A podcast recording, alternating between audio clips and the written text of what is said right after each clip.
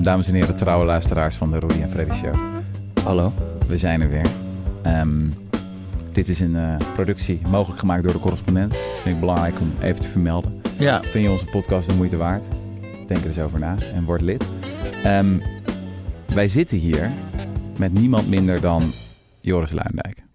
Joris Luindijk is wat mij betreft zo'n man waarvan je zegt dat hij geen introductie behoeft. Een van de meest succesvolle non-fictie-auteurs van de Lage Landen. Het enfant terrible, om even een duur woord te gebruiken, van de Nederlandse journalistiek. Schrijver van mega-bestsellers als Het zijn het mensen, Dit kan niet waar zijn. En nu vers van de pers, De Zeven Vinkjes. Ik heb hem hier in hardcover editie voor me. Um, ondertitel Hoe mensen zoals ik de baas spelen. Joris, jij bent iemand die, kan ik wel zeggen, een enorme invloed heeft gehad op de correspondent. Um, als je het iemand vraagt als Rob Wijnberg en de oprichters, of als je trouwens ook mij vraagt, uh, dan ben je uh, ja, een soort van onze intellectuele founding father. Um, met jouw vernieuwende ideeën over de journalistiek. Um, en wat ik eigenlijk voor dit interview wilde doen, is. Het leek me wel goed om enige voorkennis bij de lezer te veronderstellen. Je hebt al best wel veel interviews gedaan, onlangs ook nog op de correspondent met onze fantastische collega Valentijn en met Dilara Bilgic uh, over je boek. Um, en jij bent ook heel goed in vertellen over je boek. Ook nog bij Nooit meer slapen heb ik ook nog zitten luisteren. Um, en het leek mij aardig om, nou in ieder geval niet die gesprekken over te doen, maar nog wat, nog wat dieper te graven. Uh, en te kijken naar je werkwijze, je manier van kijken naar de wereld. Gewoon überhaupt hoe je boeken schrijft. Um, ik denk dat luisteraars dat ook interessant vinden. Um, maar het is toch denk ik wel goed om even te beginnen, wel weer bij het begin. Uh, en dan het Zeven Vinkjes boekje. Uh, Jesse, hoe staan wij zelf in de wedstrijd? Kijk, voor mij is het denk ik wel redelijk bekend hoeveel ik er heb. Um, alle zeven. Uh, trouwens, nog even opnoemend. De zeven vinkjes zijn minstens één hoogopgeleide en of welgestelde ouder. Minstens één in Nederland geboren ouder. Man, hetero, wit, gymnasium of VWO. En universiteit. En dat zijn de zeven vinkjes die ja, de mannen zoals Joris en ik kenmerken die de baas spelen in Nederland. Jesse, hoeveel heb jij er? Ik heb er vijf. Vijf. Welke mis je? Ja, universiteit en, uh, en een opleiding toch? Of uh, geen, ja, HAVO. Oh, HAVO ja, ja, telt ja. Je hebt HAVO, niet, hè? HAVO telt niet, nee. Nee. En je hebt geen universiteit gedaan. Ja. ja. Ik vind het altijd wel voor je pleit hoor. Ja, maar dat is dus ook gewoon, het is een beetje een gimmick, denk ik dan altijd. Ik heb nooit zo, uh, laatst gebruikte iemand het woord paranimf en toen wist ik niet wat het was. Maar voor de rest heb ik nooit zo heel erg het gevoel dat, dat universiteit nou heel erg mist of zo. Het is meer, meer zelfs nog dan mensen, oh, je bent echt een exoot met dat autodidact en zo. Dat dat dan door jou en door mezelf misschien ook wel heel erg nog wordt benadrukt. Ja, ja. Maar ik zat wel, ja, ik heb dat, dat, dat boek zitten lezen en dacht, dan ga je ook een beetje reflecteren op je eigen privilege of zo. En ik vond, uh, ik denk gewoon dat je gewoon de verwachting die ik heb is nooit dat ik heel diep kan vallen of zo. Ik heb heel veel van mijn leven gewoon niks zitten doen en zitten blowen en, en gewoon heel veel tijd verneukt. Maar ik had gewoon altijd het idee van, ja, mijn ouders die redden me wel of dat komt wel goed uiteindelijk of zo. En dat kan ik me heel goed voorstellen. Dat, dat, dat, dat heb ik dan later ook als je verhalen gaat maken over schuldenproblematiek en zo. Dat je merkt dat dat gewoon helemaal niet vanzelfsprekend is. Ja, ja. Ja dat er altijd een vangnet is. Ja. Als ik zelf uh, zou moeten zeggen wat ik, wat ik herkende in het boek, is denk het punt van overadvisering. Ik heb net nog mijn moeder geprobeerd te bellen om te, om te checken of het klopt. Ik heb het nog niet kunnen bereiken. Maar ik ben dus naar Zoetermeer geweest. Ik weet niet of dat een vinkje is, maar daar ben ik opgegroeid. Uh, zat daar op het gymnasium van het Oranje Nassau College. En volgens mij was het zo dat je... Wij, wij deden niet de CITO-toets op de basisschool, maar de Easy-toets. En volgens mij moest je 60 punten hebben voor dat ding om bij het gymnasium te mogen komen. En volgens mij, ja, ik moet het dus nog even factchecken. Maar volgens mij had ik er 57. Volgens mij was het niet genoeg. Uh, maar goed, allebei mijn zussen waren al naar het gymnasium. Mijn vader was de dominee, ze kenden ons daar wel. En ik ben gewoon naar het gymnasium gegaan. En ik denk dus eigenlijk ook dat ik gewoon, dat gewoon de, de, de juf zei van, oh die Rutger, ja, dat, dat komt het op, makkie, dat komt wel goed op het gymnasium. Ja. Uh, en dat was inderdaad ook een heel beschermd omgevingje. Ja, wij zaten in een klas met, wat is het, 17 of 18 kinderen of zo. En als, als ik dan denk over dat privilege, ja, was ik anders naartoe gegaan, had ik nog wel het vinkje gehad als ik naar VWO gegaan. Maar um, zo, zet het, zo zet het wel aan het, aan het denken meteen je boek. Dan denk ik, ja, dat, hoor ik, dat hoor ik van veel mensen, ja. Ja. Die, eh, die eh, ook soms een nacht wakker hebben gelegen. Waarbij ze hetzelfde hebben gedaan als ik in het boek doe. Dat ik mijn hele leven neem en eigenlijk sleutelmomenten identificeer. En dan kijk wie wees mij de weg naar de poort. Wie deed de poort, wie leerde me hoe, hoe ik moest kloppen. Wie deed de poort voor me open. Wie wees me daarna de weg. En dat dat steeds mannen waren zoals ik. Die Aha. dus heel precies konden zien waar ik van hen afweek. Ehm, en dat ik al die tijd dus ja, helemaal niet te maken had met discriminatie. Met, niet met ontmoediging, niet met intimidatie, niet met uitsluiting, niet met achterstelling. En dat ik dus ook echt niet kan weten hoe het was gegaan als ik dat wel had meegemaakt. Mhm. En ja, het boek landt heel verschillend. Want mensen hebben heel verschillende combinaties van lichaam, nest en opleiding. Mhm. Wat ik fascinerend vond was dat na je interview in Volkswagen Magazine met Sarah Berkeljon, wat, wat mij betreft een van de beste interviewers is van Zes, Nederland. zes vinkjes. Zes vinkjes. Maar echt fenomenaal goed. Ja. Ehm, en eh, toen ging iedereen dat weekend ging vinkjes stellen. Dus het is... Je, sommige mensen kwamen met kritiek van wat Jesse, of sorry, wat Joris beschrijft. Dat is gewoon intersectionaliteit. Een wat moeilijker academisch woord voor hoe verschillende vormen van achterstelling of gebrek aan privilege kunnen opstapelen. Nou, dat is Ja. een Op elkaar inwerken. op elkaar inwerken. Ehm, best oude theorie. Maar goed, jij vat dat samen in zeven vinkjes. En ineens landt het wel bij heel veel mensen. En ontstaat een soort van nationale sport. Goed, wel in een beperkte kring misschien. Maar in ieder geval, in mijn wereld zat iedereen dat weekend zat. Hoeveel vinkjes heb jij? Hoeveel vinkjes heb jij? Word jij al gek van die zeven vinkjes grappen ook? Of, eh, Nee, ik blijf ze waarderen. Ja, je blijft ze wel Maar waarderen. de- van die berichten als eh, eh, jouw boek heeft, heeft onze vakantie verpest. Oh, ja, ja, ja, ja. dat, dat vind je wel Dat prettig. is wel. Maar ja, mensen, het, ik had het zelf ook. Ik wilde er echt niet aan. Hm. Ik wilde er echt niet aan dat, dat ik nu hier zit bij deze podcast en net zo prachtig door jou werd ingeleid. Dat Mhm. dat eigenlijk niet los is te zien van mijn nest en lichaam. Geen van beide waar ik iets voor heb hoeven doen. Hm. En dat ik ook die opleiding eigenlijk voor een flink deel te danken heb aan dat nest en dat lichaam. Dat, ja, dat, dat heeft me echt wel eh, een hele tijd gekost om dat onder ogen te willen zien. En als je in de self-help sectie van een boekhandel komt, dan staan er echt planken vol met koop dit boek en je hebt een beter gevoel over jezelf. En dan staat er één boek op de andere kant en daar staat koop dit boek, zeven vinkjes en je hebt een minder positief gevoel over jezelf. Mhm. En dat is ook de, de sleutelzin voor mij voor het boek is, is hoe neem je afscheid van een positief zelfbeeld dat je nooit had moeten hebben. Mhm.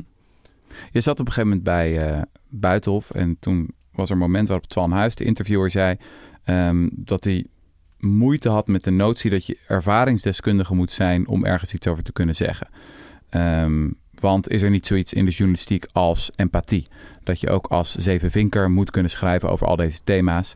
Want ja, je, je moet, dat is toch een kernjournalistieke vaardigheid om je in te leven in wat het betekent om zwarte vrouw te zijn of om niet hetero te zijn enzovoort.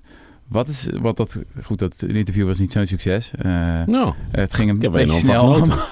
maar wat is, wat, is, wat, wat is daar je reactie op, op, op dat punt? Want dat hoor je vaak. Van, is het niet juist de kern dat we dan... Is, is het journalistieke antwoord daarop niet empathie? ja, ik denk dat, eh, nou één is, het gaat mij niet primair of eh, journalisten zich ergens kunnen inleveren, maar de prioriteiten van beleid. Mhm. Dus waarom wordt discriminatie geen topprioriteit in Nederland? Ja, acht van de tien ministers van Justitie zijn mannen zoals ik. De deken van advocaten, mannen zoals ik. De landsadvocaat, de vicepresident van de Raad van State. Allemaal mannen zoals ik.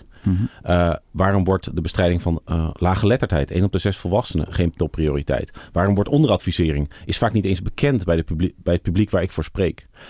Dat gaat me echt om prioriteit.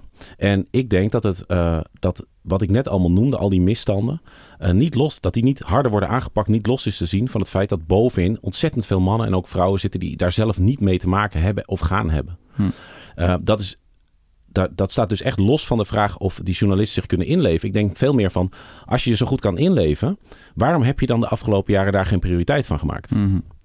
Um, en uh, ik denk dat empathie bestaat vaak, denk ik, uit het, uit het erkennen van een afstand.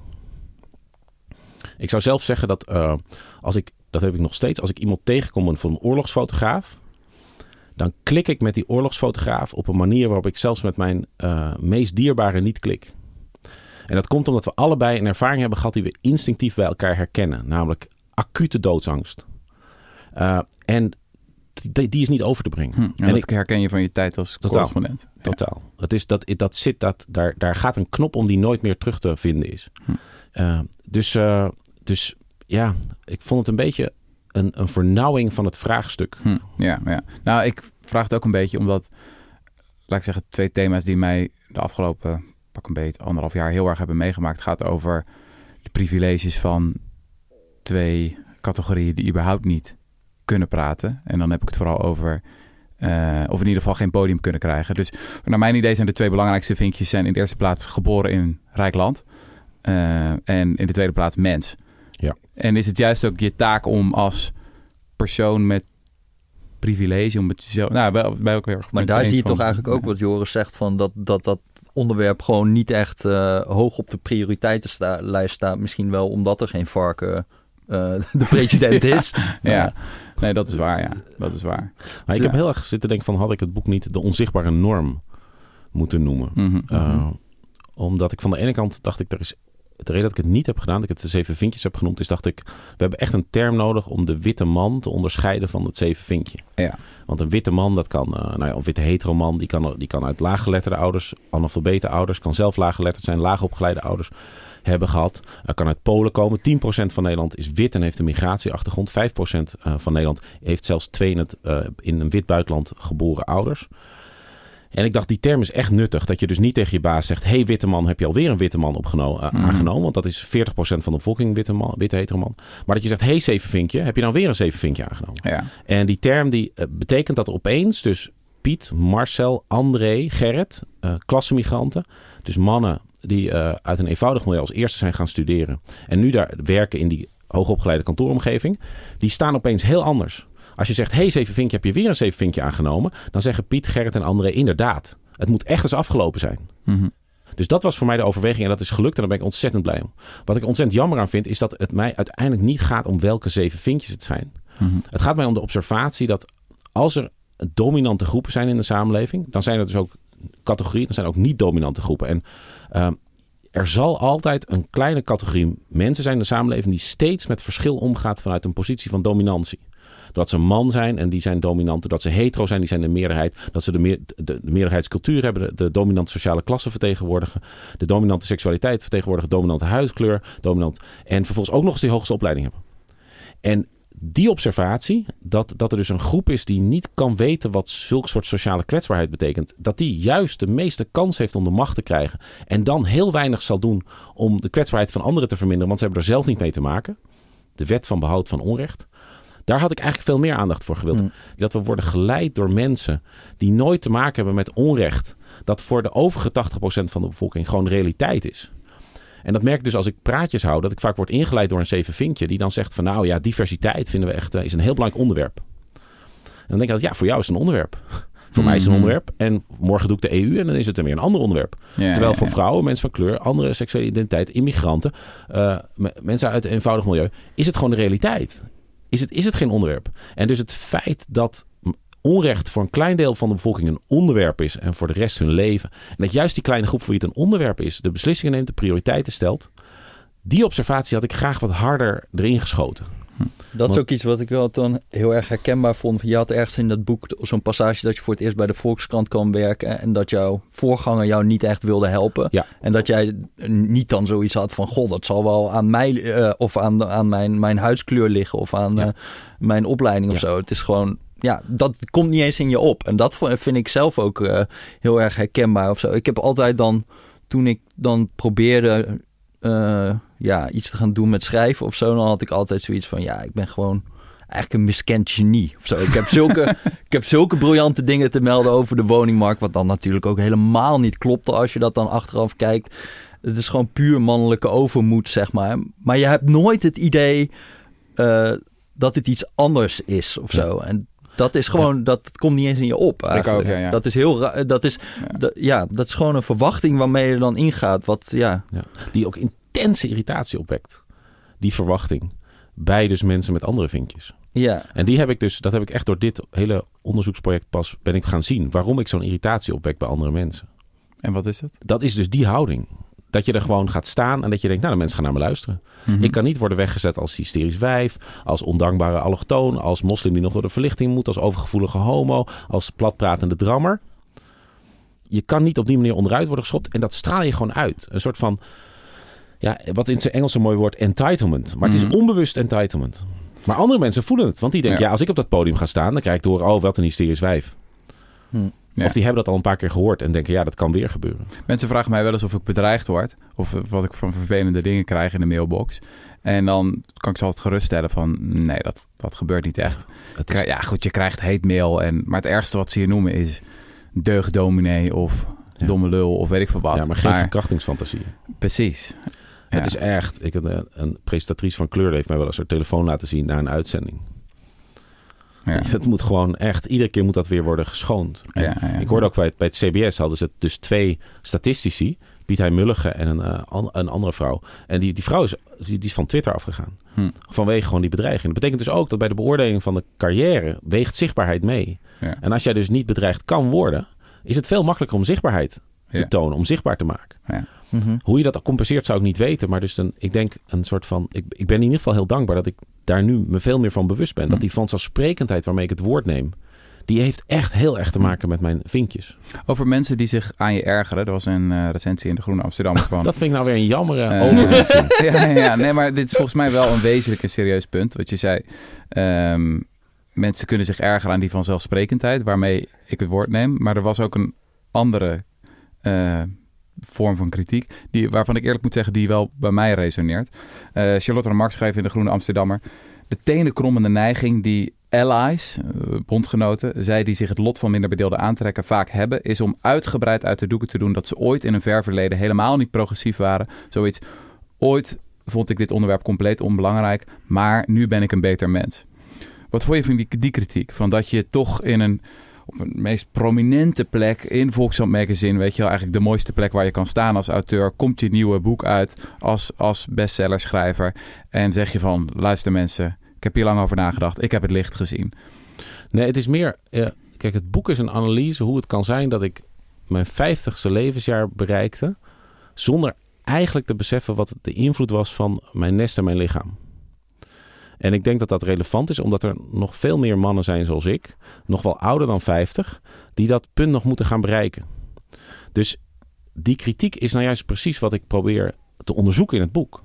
En dan kom ik tot de conclusie dat ik op mijn twaalfde in een soort reservaat ben gezet, waar ik eigenlijk werd omringd door mensen zoals ik. Hm. En dat ik door die opleiding vervolgens de rest van mijn leven me ging omringen met mensen zoals ik. En wat Gloria Wekker in haar, haar geniale boek zo goed omschrijft. Ik heb alles gedaan om mijn onschuld te behouden.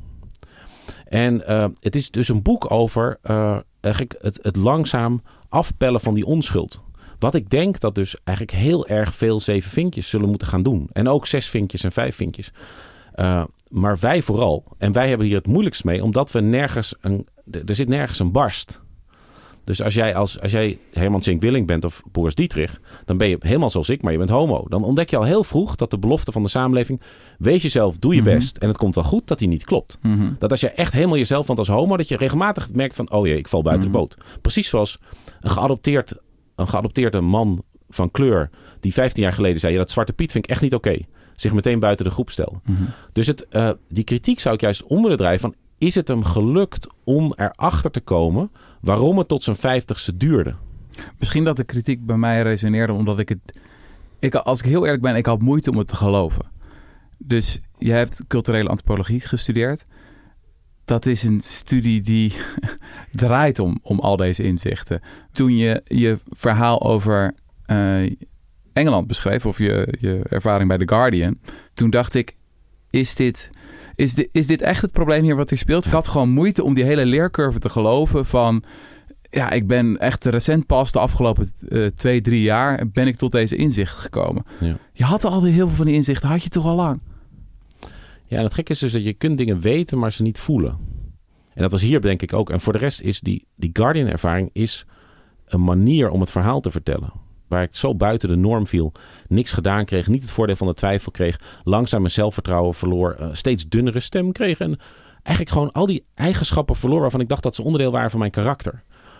Toen ben ik dat in dat licht steeds meer zo gaan zien. En toen dacht ik, ja, dat als ik het zo vertel, dan heb ik een soort ingang waar ik begin op het punt waar de lezer die ik juist wil bereiken is, namelijk onschuld. Mm-hmm. En het aardige is dat dat dus, uh, of het, het, het treffende is dat, dat juist op die Guardian-ervaring slaan ontzettend veel mensen aan. En ook zeven vinkjes die opeens uh, zeggen van ik heb een tijd in Duitsland gewerkt en dat was precies wat ik daar meemaakte. En, ze, en, en vervolgens lezen ze door en zeggen ze van oké, dus maar wacht even. Dus wat ik in Duitsland meemaakte, puur enkel op cultuur eigenlijk. eh, en een beetje netwerk. Dat maken dus mensen bijvoorbeeld van, met een migratieachtergrond maken Mhm. in hun eigen land mee. In Nederland. Ehm, en dus dacht ik, het is een heel effectief, eh, effectief verhaal. Mhm. Alles wat kan helpen bij het doorbreken van die onschuld, is denk ik op dit moment noodzakelijk. Hm. Het, het dringt gewoon niet door bij ze. En ik Mhm. merk het. En je ziet het aan Wopke Hoekstra, die voor het ministerie van Buitenlandse Zaken draagt voor het eerst in 400 jaar een vrouw voor als hoogste ambtenaar. Hij zegt: Nee, ik heb geen klik, maar ik ben een feminist. Hm.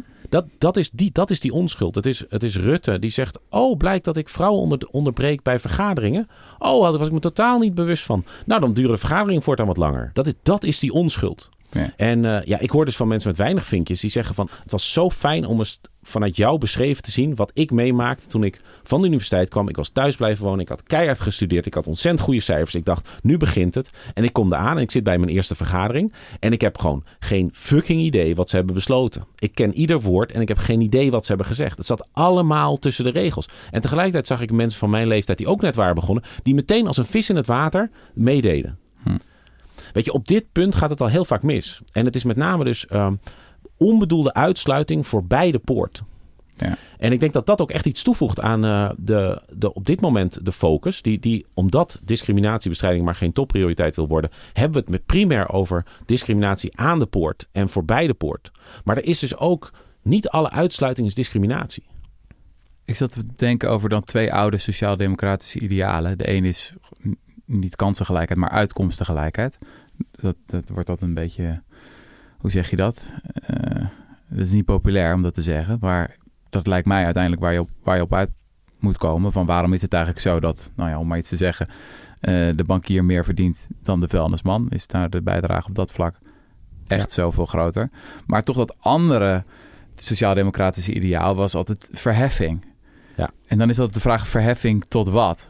Je schrijft in je boek ook van, het is een soort van ongebakkelijk dat we het hebben over hoog en laag opgeleid. Waarom doen we dat überhaupt? Waarom niet eh, know, Praktisch praktisch theoretisch. Abstract zou beter zijn. En enerzijds denk ik, ja, ben ik het mee eens. Aan de andere kant denk ik ook, nee, ja, ik vind het toch wel echt als mensen voor meerdere talen kunnen of meer weten van geschiedenis. Ehm, ik vind ook, we moeten uitkijken om daar ook te relativistisch over te gaan doen. Zo van, het maakt niet zoveel uit als je dat niet weet. Of wat in het onderwijs veel, eh, volgens mij ook speelt. Dat we zeggen van, ja, lezen, ja. Eh, nee, ja, het is heel belangrijk. We willen echt, eh, als je mee wil draaien in de samenleving, is analfabetisme een enorm probleem. En we willen mensen eigenlijk gewoon echt verheffen dat in principe iedereen kan meedoen op dat vlak. Ja, dus, dus de, de barrières voor zelfontplooiing moet je sowieso op een collectief niveau wegnemen. Maar we zitten gewoon in het hier en nu met een, met een echt een verregaand onrechtvaardige samenleving. Waar bijvoorbeeld als jij zegt, nou ik vind het wel fijn als mensen meerdere talen kennen. Maar in Nederland is het zo dat je moet wel even vragen welke talen. Mhm. Want eh, als hier iemand eh, op zijn achtste komt uit Marokko en zij kent Berbers en Arabisch, dan geldt dat niet als die extra talen. Dat wordt, er worden geen punten bijgeteld bij het- de CITO als je tweetalig bent. En als jij drie, zes maanden in Grenoble bier gaat drinken met andere studenten en je Frans is daardoor veel beter, geldt dat als een plusje op je cv. Maar als jij Turks of Marokkaans of Afghaans, eh, een van de Afghaanse talen kent, is dat geen plus. Mhm. En In het hier en nu valt er zo ontzettend veel te doen. Ja, ja, ja, ja. Het is een beetje theoretisch, filosofisch. Het is altijd bij Gelul. deze. Bij, ik, heb dus, ik heb dus iets van 80 lezingen gegeven over mijn boek. Om, ook om erachter te komen wat het effect is van mijn soort mannen op een publiek. Ja. Uh, en wat dan gebeurt is dat mannen met veel vinkjes gaan abstraheren. Die gaan Ja. het in een, uh, uh, in een uh, historisch, vergelijkend historisch kader plaatsen. Die springen weg. Ja. Heel veel, heel veel um, mannen van kleur en vrouwen, wit en van kleur, die reageren emotioneel. Die, vanuit hun gevoel moet ik zeggen. Dus die zeggen van, ja, dit is echt, ik, er, er is die pijn, die is enorm. Het is ook heel vaak, vooral bij kleinere groepen, als het allemaal collega's van elkaar zijn, uh, zitten mensen te vechten tegen hun tranen. Hm. Uh, dan gaat het heel vaak over klassenmigratie. En dus de kloof die ontstaat als je, wat wij niet hebben meegemaakt, die kloof ontstaat als je met ieder tentamen verder afdrijft van je ouders en bij de diploma-uitreiking beseft, ik hoor er niet meer bij. Wat het tegenovergestelde is wat ik meemaakte, namelijk dat met ieder tentamen kwam ik dichter bij mijn ouders en bij de diploma-uitreiking hoorde ik er voor altijd bij. Uh, en dan zie ik mensen, want zij kunnen mij, ik zie hen wel, maar zien zij elkaar niet. Zie ik zo twee, drie mensen in het publiek steeds rodere ogen krijgen. Mm -hmm. Over die enorme aanpassing en de pijn over die aanpassing. Dat als iemand het heeft over tokkies of wappies of huisvrouwen, dat ze het bij zichzelf denken: hé, hey, je hebt het over ons pa en ons ma. Maar dat zeggen ze niet, want dan zouden ze hetzelfde doen als 15 jaar geleden iemand van kleur die klaagde over Zwarte Piet. Mhm. Echt, eh, er zit zoveel pijn. Mhm. En eh, die ontgaat ons gewoon helemaal. Hm. Als, als, eh, als mannen met eh, ons lichaam en nest. Ja, we hebben hier op de redactie dan ook wel eens een gesprek over diversiteit gehad. En dan was uiteindelijk, had ik heel erg vaak het gevoel van... Oké, dan heb je nou, best wel een ongemakkelijk gesprek... dat iemand dan ah, een beetje uitlegt van nou, privilege, bla, bla. En dan uiteindelijk dan is een beetje oké, en nu? En dan zei ze nou, het is goed dat we dit gesprek voeren. En dit gesprek zou moeten blijven voeren. Maar ik had eigenlijk dan soms het idee van... Goh, maar nu is heel erg benadrukt dat, dat Najib een Marokkaan is... en toch wel heel anders is dan mij. En uiteindelijk dan weet ik ook niet wat ik daar dan verder mee moet... behalve dat er eigenlijk wordt gezegd van... eh, ja, denk niet aan een roze olifant. Maar eigenlijk staat hij nu verder van me af... bijna naar zoiets dan, dan daarvoor. Ik, ik had dan heel vaak het idee, een onbevredigend gevoel Ja. van... wat moet ik nu? Of zo. Ik denk dat het, dat het uiteindelijk moet zijn van, van hoe zorg je ervoor dat Nagib met net zoveel plezier naar zijn werk gaat als jij? En kan het zijn dat jij in je onderwerpkeuze, in je manier waarop je praat, wat je, de, je veronderstelling dat hij wel weet wie de groene, wat de groene Amsterdammer is, maar ook dat je hem niet helpt door na de vergadering uit te leggen wat er eigenlijk is besloten, dat hij eigenlijk gewoon het minder leuk heeft, het minder goed heeft, zich Mhm. minder kan ontplooien en uiteindelijk ook een minder groot canvas kiest voor zijn leven. En ik denk dat daarop, eh, daar valt zo ontzettend veel te doen. En ik vind het heel raar hoe we nu dus, eh, ja, dat komt uit Amerika, dat we mensen gaan enorm veel geld investeren om mensen te laten beseffen hoe, wat een privilege het is dat je als witte persoon bij Schiphol zo langs de Marseillais loopt terwijl ze van kleur worden eruit gepikt. Ik zou zeggen, moeten we dat geld niet gewoon besteden aan het zodanig hertrainen van de Marseillais dat dat niet meer gebeurt. In Amerika hebben ze het volgens mij echt opgegeven. Dat er nog wat aan dat racisme gebeurt. En dus denken ze, nou dan gaan we maar cursussen geven dat witte mensen in ieder geval beseffen hoe onrechtvaardig het is. Ja. Ik zou denken, laten we die onrechtvaardigheid zelf aanpakken. Mhm. Ja. Het is eigenlijk een hele regressieve manier om in plaats van dat je ongelijkheid elimineert, dat je mensen zich ja, voldoende schuldig laat voelen over ongelijkheid. Ook Mhm. echt weer een eliteperspectief. Zoals ook het woord, hele het woord diversiteit is een elitewoord, want het gaat over rechtvaardigheid. Je kunt volgens mij ook echt niet zeggen van eh, rechtvaardigheid is een belangrijk thema voor onze organisatie. Ja. Dat kun je echt niet maken. Maar diversiteit is een belangrijk thema, dat kan je prima zeggen. Ja. Ik zat hiervoor nog even te kijken naar eh, cijfers over dan eh, opleidingsniveau van eh, bijvoorbeeld Marokkaanse vrouwen. In 2003 was er nog 13% hoger opgeleid. Inmiddels is dat 26%. En dat is echt niet te verklaren door alleen onderadvisering. Dat hebben ze gewoon helemaal zelf gedaan, zeg maar. En er wordt heel erg dan een nadruk gelegd op zeg maar de zevenvinkers en wat wij allemaal aan onderdrukking doen. Maar daar is er is toch ook veel meer aan de hand of zo in, Ja. in hun leven. En misschien is het ook juist een heel erg zevenvinkjes perspectief dat je dat heel erg benadrukt. Het boek gaat uiteindelijk niet over kansgelijkheid. Het gaat over hoe het kan zijn dat zo'n klein groepje, 3%, zeven vinkjes, met allemaal hetzelfde perspectief op een aantal cruciale dingen, sociale klasse, cultuur, et cetera, het zo ontzettend voor het zeggen heeft. En tegelijkertijd, inderdaad, verandert er heel veel. En ik denk dus dat ook die, die, die tandpasta krijg je de tube niet meer in. Die, die, die zeven vinkjes, de heerschappij van de zeven vinkjes is eindig Ja. van mijn soort mannen. Zoals ook de, ja, er zijn ook andere, weet je, in de jaren 50 bij de Binnenlandse Veiligheidsdienst ging het enorm over diversiteit. Er werden namelijk geen katholieken aangenomen. Mhm. Weet je, het verschilt ook door de jaren heen. In Israël heb je hele andere zeven vinkjes. Maar je zal altijd in een samenleving een groep hebben die steeds aan de goede kant staat, de gunstige kant staat van de streep. Die steeds omgaat met verschil vanuit een dominante positie. En ik denk niet dat je die mensen de baas moet maken als je tegelijkertijd een samenleving wil. Van een wereld van verschil, waar dus mensen zich maximaal mogen uiten. Waarin hetero, eh, LHBT niet hoeven doen alsof ze hetero zijn. Waarbij Mhm. vrouwen niet een cursus gaan volgen om eh, lager te praten en hun haar kort te gaan dragen. Al die aanpassing die nu wordt gedaan door mensen die buiten deze norm vallen. Om te voldoen aan deze norm. Omdat ze hebben gemerkt, ik krijg straf als ik niet eruit zie. Als ik me niet gedraag als Joris Luijnek en Rutger Bregman. Mhm. Dat wilde ik aan de kaak, kaak stellen. En ik Mhm. zie dus heel veel eigenlijk wegspringmanoeuvres van mensen om daar niet aan, daar niet aan van waarom neem je steeds weer een zeven vinkje aan? Dus het is gewoon heel erg gericht eigenlijk op die zeven vinkjes. En Nou, niet en- per se op... eh, Het gaat ja, niet op kansgelijkheid. En het is, maar het is ook, eh, Boris van der Ham, die zei het ontzettend mooi. Die, zei, die is toneelspeler geweest, hè, de, oud-politicus. Die zei van, eh anderen spelen de koning. Dus als de andere acteurs op het podium niet doen alsof jij de koning bent... en dus in hun spel Mhm. heel erg neerbuigend doen... eh, eh, dan kan jij roepen en doen wat je wil als koning... maar iedereen denkt, wie is die clown? Hij zegt, anderen spelen de koning. mhm. En ik denk dus ook anderen spelen de zeven vinkjes. Het zijn uiteindelijk, we zijn maar met 3%. Maar toch, bij het CDA, als het dan, dat is op zich nog een partij met best wel veel mensen met heel verschillende achtergronden. eh, uiteindelijk, als ze dan een leider moeten kiezen, dan wordt het toch weer een zeven vinkje. Ja. En dat zie je op ontzettend veel plekken. Maar is het niet heel... Ik bedoel, eigenlijk, eigenlijk zet je die problemen van minder vinkjes heel erg te relateren aan de zevenvinkers. Maar ik bedoel, als ik denk... Waarom, waarom werkt slechts 14% van de Somalische vrouwen en 70% van de Surinaamse vrouwen? Dat heeft denk ik niet zoveel met die zevenvinkers te maken, als je heel eerlijk bent, toch? Nee, maar dit is ook geen theory of everything. Dus ook die focus dus op kansgelijkheid is daarom jammer. Mhm. Dit is echt een inclusiemarathon en dit is gewoon één stapje. Maar dit Ja. stapje was nog niet gezet. Ja. Mhm. Nou, wat ik. eh, het punt wat je maakt over bewustzijn is niet genoeg. Ik denk dat dat echt eh, spijker op de kop is. Ik bedoel, als je op, op andere gebieden bekijkt, 60% van de Nederlanders wil de bio-industrie afschaffen. Ja, dat, dat, dat is bewustzijn blijkbaar, maar dat wil nog niet echt zeggen dat dat Ja. verandering impliceert. Al kan je zeggen van op andere thema's, bijvoorbeeld MeToo, heeft bewustzijn denk ik wel degelijk heel veel effect. Het is daar niet zozeer nieuwe wetgeving die wordt doorgevoerd, maar meer dat er een voorbeeld wordt gesteld en dat we zien, eh, nou ja, als er, een, als, er, als er iemand als een Ali B of een Marco Borsato neergaat, dat dan hopelijk duizenden andere mannen denken van oké, Ja. eh, misschien moet ik me iets anders gaan gedragen. Dus het is niet dat het bewustzijn helemaal nutteloos is. Eh, maar Je kunt er blijven hangen. ja, het is zo. Wat is de politieke agenda die aan zit? Eh, Je vertelt in een van die interviews van we moeten in ieder geval niet VVD stemmen. Nou, daar waren we al wel bij de Rudy en Freddy show op zich. Ehm, waar moeten we dan wel op stemmen? En wat is gewoon de concrete praktische agenda? Je, je noemde een aantal dingen. Bestrijding laaggeletterdheid, training van de marechaussee.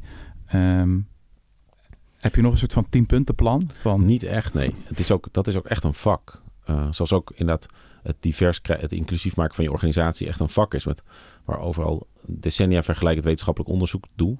En ik zeg altijd van ja, ik ben echt geen, geen expert in, eh, op dat vlak. Ik ben een ervaringsdeskundige privilege. Ik dacht, ik beschrijf van binnenuit hoe dat is als je persoonlijkheid zo wordt gevormd en vervormd. Door al, al die wind mee en geen wind tegen. Dus een politieke agenda. Ik denk gewoon, als je echt uitzoomt, zeg je van eh, de, eh, niet nog meer pijn. Dus wat is er nodig om te zorgen dat er niet nog meer pijn komt? Eh, denk ik, punt twee is denk ik, hoe heel je de pijn van mensen bij wie die pijn al is, is veroorzaakt? Dat lijkt me twee.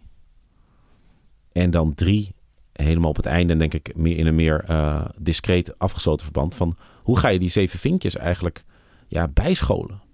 Want die zijn zo niet gewend aan eh, verschil vanuit een positie van, eh, eh, van kwetsbaarheid. Ja, Dus, dus dat die ervaring van hoe het is om eigenlijk ook kwetsbaar te zijn, om te kunnen wo- worden weggezet aan de hand van een negatief stereotype, daar hebben wij denk ik nog wel echt eh, wat hulp bij nodig. En Ja. de- je ziet hele sterke fragiliteit bij mannen zoals ik, als ze erop worden gewezen. Ik, ik ben natuurlijk veel bij die bijeenkomsten van diversiteitscommissies en zo. Zo, dan kunnen mannen, als dan even het open gaat van, oh wacht even, het is eigenlijk echt cumulatief. Al die kleine opmerkingen over meisje dit en ook met vrouwen en zo, dan komt er zo'n boosheid. Want mensen willen die onschuld niet kwijt. Ze willen vasthouden aan dat idee van neutraliteit. Van ik kan me overal over uitspreken. Ik hoef niet na te denken of mijn opmerkingen niet bovenop patronen van soms honderden jaren eh, onderdrukking komen. Mhm. En ja, ik neem nu de meeste tijd voor wat zevenvintjes moeten gaan doen. Maar dat is ook omdat ik denk dat, dat daar op dit moment nog echt heel veel werk te verzetten is. En dat Ja, ik ook dichter bij de noblesse oblige. Noblesse oblige, ja. Ja, het is, Maar het dat is, gaat dan toch weer richting een bewustzijnscampagne. en daar begint het mee. Maar wat ik, wat ik echt wat ik ontluisterend vind, is voor hoeveel zeven vinkjes, maar ook wel mensen met andere vinkjes, eh, dit allemaal nog nieuw is. Dat er echt in alle ernst zo'n iemand gewoon zegt van ja, dat diversiteit, wat levert dat nou op? Hm. Dat ik echt zei, nou, je moet even het woord diversiteit vervangen door rechtvaardigheid. En gewoon zeggen, wat rechtvaardigheid? Ja. Waar, is dat nou, waar heb dat nou voor nodig? Ja, Dat punt van noblesse oblige, daar wil ik nog even op doorgaan. Volgens mij iemand die dat ook heel erg vindt is Sander Schimmelpenning. Die nu zo'n serie heeft, Sander en de Kloof. Of misschien is die al afgelopen. Waar je heel makkelijk natuurlijk de kritiek op kan hebben van... oh, daar komt die korbal weer en die gaat dan even zijn verhaal doen. Ehm, ik heb daar met, als ik eerlijk ben, met heel veel bewondering en plezier naar gekeken. Omdat ik denk, ja, dit verhaal is honderd keer effectiever. Juist omdat hij in alles uitstraalt, ik ben een VVD'er. En vervolgens gaat hij een, een groot pleidooi houden voor vermogensongelijkheid. Tegen. En tegen. eh, sorry, tegen vermogensongelijkheid. Cruciaal verschilletje. Voor vermogensbelastingen. Ehm, en ja, maakt hij het zichzelf wel net even iets moeilijker? Of ja, het is- het is onder, ongetwijfeld ook ijdelheid. En naar mijn idee zijn ijdelheid en idealisme vaak lastig van elkaar te scheiden. Dat heb ik ook als ik in de spiegel kijk. Maar ja, dat is wel een voorbeeld van je doet iets met je privilege met de, de positie die je hebt, het podium die je hebt. Ehm, en ehm, je probeert de boel de andere kant op te sturen. Ja. Her- herken je dat ook? Nou ja, in zover, iemand zei tegen mij van... Ja, je hebt, met dit boek heb je heel veel mensen een dienst bewezen, maar jezelf niet.